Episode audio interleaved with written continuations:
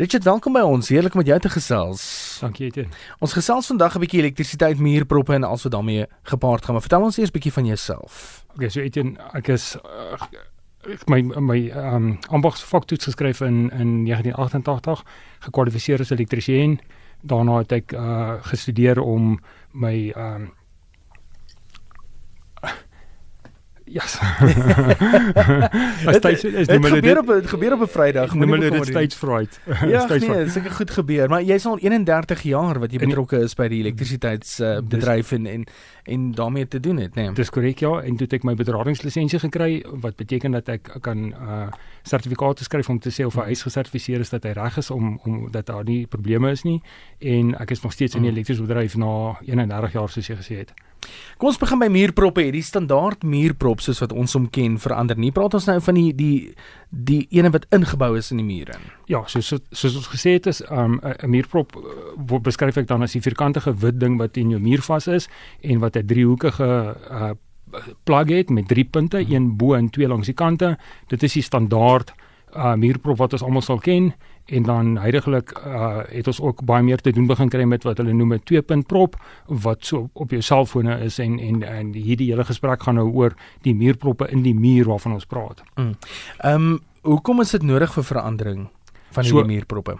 Etien my my my agtergrond soos ek gesê het is elektriesien en ek het ook maar gaan huiswerk doen en op die internet gaan krap en gaan kyk wat dit is en dit lyk my die nuwe muurprop waarvan hulle praat is baie veiliger volgens hulle en uh hulle verwag dan minder uh noodlottige ongelukke of uh, probleme met dit as gevolg van dit en ook om nader te beweeg aan die Europese standaard as gevolg van die feit dat baie mense meer van lande verwissel en uh, sou mense van Europa af hiernatoe gekom het met hulle toestelle is dit makliker om krag te kry van ons van ons ber, bedrading netwerk af.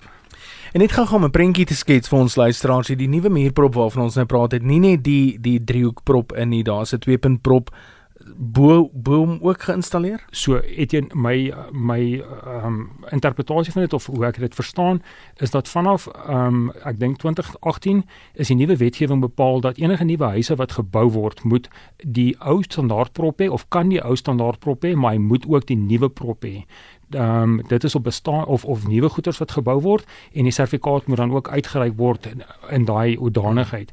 Ehm um, ou huise of ou mense of huise wat al reeds gebou is voor daai tydperk, ehm um, gaan hulle sistematies probeer ehm um, oorfaseer na die proppe toe, maar hulle praat van 'n tydperk van 20, 30, selfs 50 jaar om sure. om dit uit te faseer en oor te skakel na die proppe toe.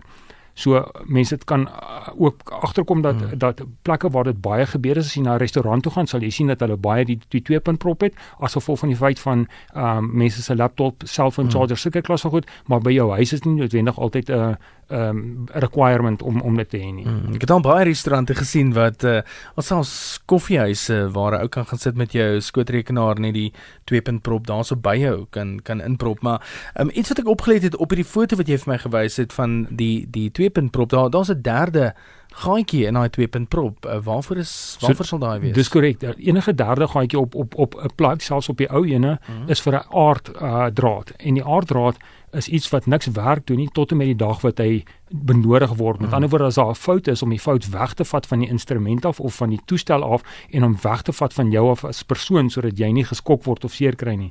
So jou standaard ou 2-punt prop het nie 'n aard nie en hy word dan 10-10-1 gebruik op 'n hmm. op 'n toestel wat ons sal noem double insulated of dubbel geïnsuleerd en die kans dat jy daar aan die elektrisiteit kan raak is baie skraal waar daarvan dan ook die rede vir of die naam uh, dubbel geïnstalleerd. Hmm. Nou uh, hulle gaan dit oorskakel en die nuwe ene gaan 'n derde prop by hê so jy kan hom gebruik op 'n ding soos 'n yskas of iets wat jy wel in die elektriese drade kan raak en sou daar iets fout gaan dan kan die aard uh die fout aarde toe gaan deur die derde prong of die derde ding om af te gaan aarde toe. Eintlik 'n goeie veiligheidsmaatreël wat dan dan daar inbou nê. 100%. Jy het genoem voor jy is 'n gesertifiseerde bedrader of 'n wireman soos wat julle dan nou daarvan praat ook. Wat is die verskil tussen jou en 'n elektriesien dan?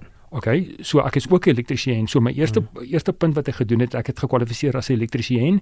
Dit beteken dat ek elektriese werk kan doen en ek is gekwalifiseer om elektriese bedrading te doen of werk te doen. Hmm. Daarna het ek gaan studeer om die bedradings uh, regulasies te leer en dit het betrekking op regulasies van wat jy mag en nie mag doen nie, wat is veilig, wat is nie veilig nie, watse tipe dikte draad om te gebruik vir watse las, sulke klas van goed uh, as jy dit geslaag het, dan registreer jy by die departement van arbeid as 'n um wireman en um jy kan nie 'n wireman wees tensy jy elektriesien is nie. So dis iets wat hmm. by 'n elektriesien bykom. Jy kan nie net 'n wireman wees nie.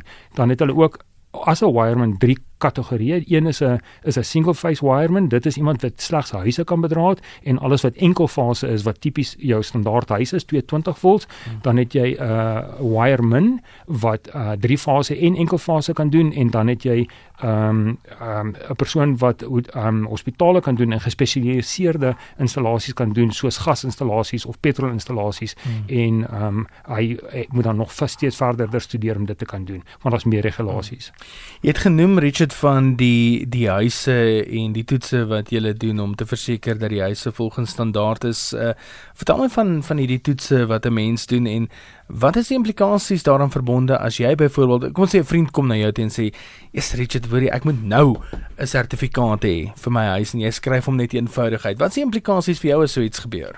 So ek dink kom ons begin eers by die feit van wat gebeur is as 'n huis verkoop word, dan moet hy 'n COC of 'n Certificate of Compliance hê wat almal ken as die geel papier en as jy jou huis verkoop het, hmm. is dit gewoonlik die laaste ding waaroor almal worry en nee. as jy as die prokureur jou bel en sê waar is die COC? Ek soek hom môre oggend dan word ek gebel om te sê ek soek dringend hierdie stukkie papier.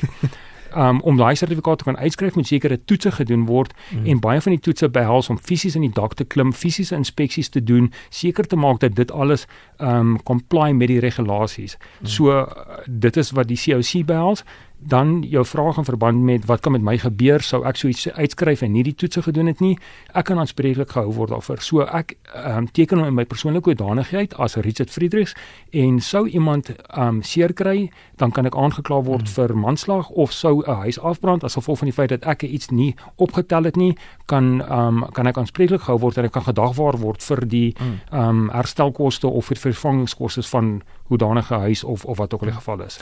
En die huiseienaars loop natuurlik ook die gevaar dat indien hulle daai tipe kortpad wil vat en kom ons sê die huis brand af. Hmm ehm um, dat die versekerings nie gaan uitbetaal nie. Dis 100% korrek. So sodra iemand aan jou huis gewerk het of iets met die bedrading gedoen het, dan moet jy verseker dat die ou geregistreer is by by departement van arbeid sowel as die Electrical Contractors Association en hy my voorstel sal wees is dat jy aandring daarop dat hy dit vir jou kan bewys dat hy geregistreer is en bewys dat dit opbetaal is en dat hy 'n uh, huidige lidmaat is daarvan. Dan kan hy die sertifikaat uitreik en jy het ehm um, die Engelsman se woord recourse om terug te gaan na hulle toe en hulle kan nie 'n man die persoon aanvat sou hy dit nie reg gedoen het nie.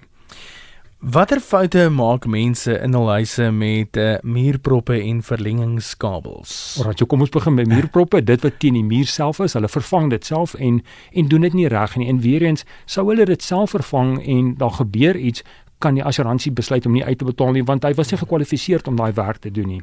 Wat behels muurproppe en verlengkabels? Die grootste fout wat ek altyd raak kom is mense vergeet altyd om die aarddraad te konnekteer dan is effektief die punt wat jy die krag gebruik is nie geaard nie en jy stel jou lewe in gevaar. En mense is baie ag, dit is nie 'n probleem nie.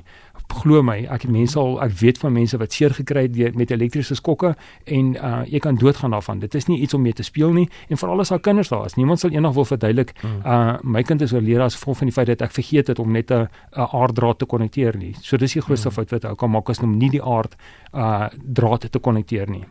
So het my gevra hoe kom hierdie net te vra, hoe kan dames self toestelle soos haardroërs, elektriese blikoopmakers en dis meer verander van 'n 2 punt na 'n 3 punt prop of moet dit liefs los vir ouens wat weet wat hulle doen?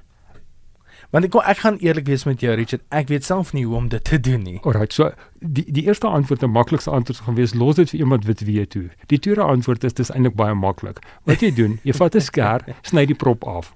Maak die drade oop, sit die groen en geel draad op die op die dikste prop of die dikste uh, prong konnekteer hom daarop gewoonlik heel bo of definitief heel bo. Dan die breindraad gaan op die een wat sê L die blou draad gaan op die een wat sê N. Maak alles mooi vas maak dit toe maak seker niks raak aan mekaar nie en prop hom in. As hy ontplof het jy dit verkeerd gedoen. As hy nie ontplof nie dan het jy dit reg gedoen ja, ek ek sien ek is skrikkerig vir daai ontplofdeel. Dis so ek sal liefs eerder julle ouens bel wat weet wat julle doen. Ehm um, dit's 'n paar ander vrae. Jy jy's al 31 jaar hiermee betrokke Richard. Wat was daai een oomblik gewees waar jy of in 'n plek in geloop het en gekyk het na die elektrisiteit en by jouself gedink het genade dat hierdie plek nog staan is 'n wonderwerk. Ehm um, is was daar so 'n oomblik al gewees in jou loopbaan? Definitief by ons gebeur dit gewoonlik so as jy as jy daar instap en die hare begin rys op jou arm dan weet jy daar's iets verkeerd. En en ek dink dit is maar bloot die feit dat ons as elektriesiens baie baie bewus is van ehm um, die gevolge as iets nie reg is nie. En ehm um, ek het 'n persoonlike geval gehad wat 'n baie uh my broer seer gekry het met elektrisiteit hmm. en om net vir die luisteraars 'n idee te gee hy was 3 maande lank in in die hospitaal waarvan hy 2 maande in ICU was. Toe hy uitgekom het moes hy leer om weer te loop want sy spiermassa het absoluut net verdwyn. Die binnekant van sy longe het gebrand sy valstande het gesmelt dat hy nie kan hulle nie weer kan terugkry in sy mond nie so dit is regtig waar nie iets om mee te speel nie. Dit is elektrisiteit klink maklik dit dit dit gee die idee dat dit maklik is maar die dag wat dit verkeerd gaan gaan dan dan gaan dit groot verkeerd. Dis regtig so. Uh, is daar waarskuwingstekens wat 'n ou se huis vir jou byvoorbeeld gaan gee as daar iets fout is? Ek ek dink nou byvoorbeeld aan 'n muurprop wat dalk 'n vreemde geluid maak hier oomblik as jy 'n prop daarin. Wat se tipe waarskuwings so moet jy kyk? Ja. gewoonlik ryk ryk jy sal dadelik ryk iets brand of iets is nie lekker nie. En as iets ryk is vir hy brand dan is daar 10 teen 'n probleem hoekom hy brand. Uh, kyk vir dinge wat net uh, onreëlmatig aan en afskakel. So as hy een oomblik werk en die volgende oomblik nie werk nie dis dis 'n teken van hmm. As jou skakelaars op die op die verdeelbord bly trip, bly afval, dan is daar 'n rede vir dit. Moet hom nie net altyd terugsit nie, want elke keer wat jy hom terugsit, beteken dit dat jy jy jy jipper die, die die probleem of jy probleem die probleem die probleem wegwys. Hmm. Daar's definitief 'n probleem, maar dit staan nie net van self nie. Kry liewerster dan iemand om te kom kyk en seker te maak hmm. alles is reg. Onthou net elektriese Eh, toestel word warm. As hy warm word dan uh, dan um, maak hy hitte, die hitte veroorsaak vlamme, vlamme veroorsaak brand en op die einde kan jy kan jou huis afbrand. So dis nie net 'n skok wat jy kan kry nie, as hy daar warm word binnekant kan hy 'n uh, 'n brand veroorsaak. 24 minute oor 2. Uh Richard, uh, ek dink baie mense wat baie dankbaar is vir dit wat hulle hoor ook vandag en ek dink baie ins wat met ander oë gaan kyk na muurproppe. Ehm um, is daar uh, ergens waar mense jou dalk in die hande kan kry e-posadres dalk as hulle met jou wil gesels? Ja, ons kan uh, vir e-posadres gee, dit sal wees richard@pfcengineering.com .co.za en ek sal net vra dat hulle geduldig is maar ek sal kyk mm. wat ek kan antwoord en as ek nie antwoorde het nie dan sal ek hulle verwys na mense wat wel die antwoorde vir hulle sal hê. Klink vir my goed. Richard Fredericks, dankie dat jy tyd gemaak het vanmiddag op RSG en alles van die beste vir julle. Baie dankie Etienne, ons waardeer dit.